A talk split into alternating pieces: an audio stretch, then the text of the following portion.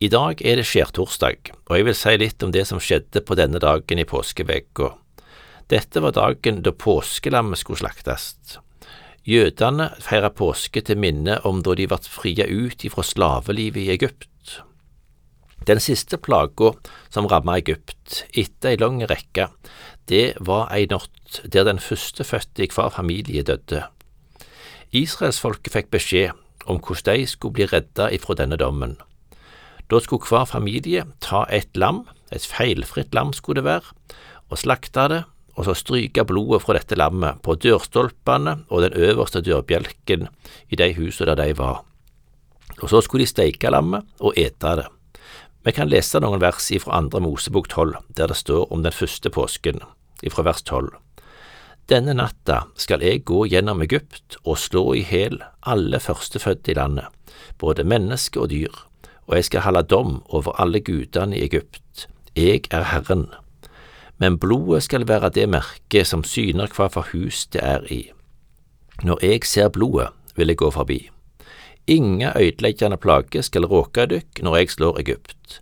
Siden skal denne dagen være en minnedag for dykk det skal feire han som ei høgtid for Herren. Det skal feire i slekt etter slekt. Det skal være ei evig ordning. Påske, ordet påske, det betyr forbigang. Og det var selvsagt ingen tilfeldighet at Jesus skulle dø akkurat i påsken. Han var oppfyllelsen av forbildet ifra den første påsken. Ett lam måtte dø for at folket skulle bli spart for Guds dom. Ett lam måtte dø, slik at de førstefødte skulle få leve. Det er en direkte henvisning til dette i eh, første Korinterbrev kapittel fem. Der skriver Paulus For vårt påskelam er slakta, Kristus. Der ser vi hvordan det henger sammen, og jeg synes det er interessant å se hvor sentralt lammets blod er i Bibelen. Vi møter det altså her tidlig i Bibelen, i Mosebøkene, og det står som grunnen til å komme til himmelen helt i slutten av Bibelen, i Johannes' åpenbaring. Jeg har lyst til å lese litt ifra kapittel sju der. Deretter så jeg en flokk så stor at ingen kunne telje han, av alle folkeslag og etter, av alle folk og tungemål. De sto framfor trona og lammet, kledde i hvite klær, med palmegreiner i hendene. Så står det litt lenger nede i vers 13. Da tok en av de eldste til orde og spurte meg, disse som er kledd i hvite klær, hvem er de, og hvor kjem de fra? Herre, svarer jeg, du veit det. Da sa han til meg, dette er de som kjem ut av den store trengsla og har vaska kappene sine og gjort dei hvite i blodet fra lammet. Derfor står de for Guds trone, og tjener Han dag og natt i Hans tempel, og Han som sitter på trona, skal reise sin bostad over dei. Her har vi egentlig sett både på forbildet, hvorfor de feirte påske på grunn av utgangen fra Egypt, og så kan vi òg se på fullendelsen av dette med Jesu blod, at eh, når vi en gang skal være samla i himmelen, en stor eh, flokk ifra alle folkeslag, så er grunnen til at vi er der, at det var et blod som rant på Golgata. Nå til den dagen som vi feirer i dag. Jesus og læresveinene hans hadde fått låne et rom der de skulle ete påskemåltidet sammen. Når de var samla for å ete påskemåltidet, til minne om den første påsken, så innstifter Jesus nattverden, som minner oss om hva Jesus gjorde for å frelse oss. Vi leser i Matteus 26, 26. Medan de helt måltid, tok Jesus et brød, takka og brøt det, ga det til læresveinene og sa, Ta imot og et, dette er min kropp. Og han tok et beger, takka, ga deg og sa, drikk alle av det, dette er mitt blod. Paktblodet, som blir utrent for mange, så syndene blir tilgjevne. Jeg sier dykk, heretter skal jeg ikke drikke av denne frukta av vintreet før den dagen jeg drikker henne ny sammen med dykk i riket til far min. Den første påsken fikk de høre, når jeg ser blodet, vil jeg gå forbi. Nå får de høre, dette er mitt blod, paktblodet, som blir utrent for mange, så syndene blir tilgjevne.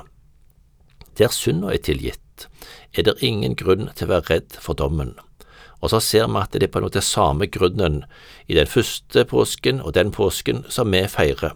Det handler om blodet av et feilfritt lam. Jeg synes det er fint med nattværen, for den viser så tydelig hva frelse er. Den handler om å ta imot Jesus. Et vers som jeg er glad i som sier noe om det, er Johannes 1,12. Men alle som tok imot han, de ga en rett til å bli Guds barn, de som tror på navnet hans. Det er så mange som tenker at frelse må handle om hva jeg skal gjøre. Skal jeg kunne være en kristen, så må jeg ha noe som jeg kan gi til Gud.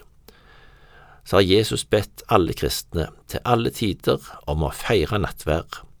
Han vet hvor lett vi sporer av ifra veien, og begynner å tenke at frelse må handle om noe jeg skal gjøre.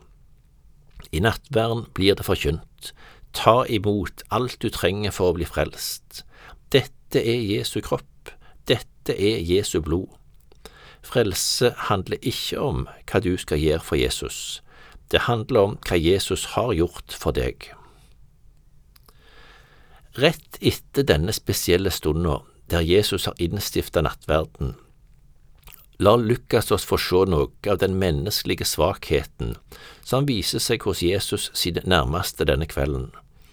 Der står det, nå vart det òg strid mellom dei om hvem som skulle regnes som den største.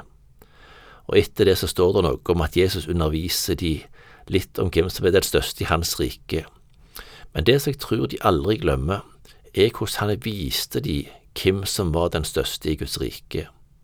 I Johannes 13 så står det sånn om Jesus.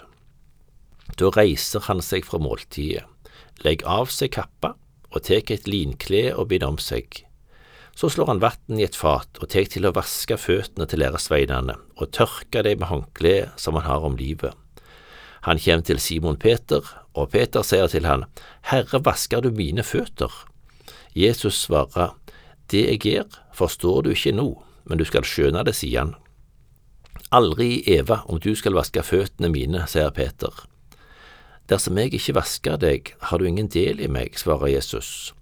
Simon Peter sier til han, Herre, ikke bare føttene, men hendene og hodet òg. Men Jesus sier til han, Den som er bada, er heilt rein og trenger ikke vaske annet enn føttene, og de er reine, men ikke alle. For han visste hvem som skulle svike han, derfor sa han, Det er ikke alle reine. Da han hadde vaska føttene dere og tatt på seg kappa, tok han plass ved bordet att. Så sa han til dem, skjønner dere hva jeg har gjort for dykk? Det kaller meg meister og herre, og det med rette, for det er jeg. Når nå jeg, Herren og Meisteren, har vaska føttene dykker, da skulle det òg ha vaske føttene til hverandre. Det er et føredømme jeg har gjeve dykk, som jeg har gjort mot dykk, skal det òg gjøre. Fotvask hadde de sikkert opplevd før, det var ikke så uvanlig, men det var en slave eller en tjener som gjorde den jobben. At Jesus, som var deres herre og mester, tar den jobben, det sjokkerer dem, og det ser vi ikke minst på Peters reaksjon. Dette synes han er helt uhørt, at Jesus skal vaske hans føtter. Men Jesus sier, dette forstår du kanskje ikke nå, men du kommer til å forstå det. Jesus demonstrerer det som han har undervist. I Matteus 20 så sier han, Den som vil bli stor mellom dykk, skal være tjeneren dykker. Den som vil være den første av dykk, skal være slaven dykker. Menneskesonen er heller ikke kommet for å la seg tjene, men for sjølv å tjene og gi livet sitt til løysepeng for mange. Jesus han lærte de, både i ord og gjerning, at den største i Guds rike er den som tjener de andre med livet sitt. Og han var ikke kommet til jord, først og fremst for å bli tjent, men for sjøl å være en tjener, som gir seg sjøl som betaling for at vi skal få det evig godt.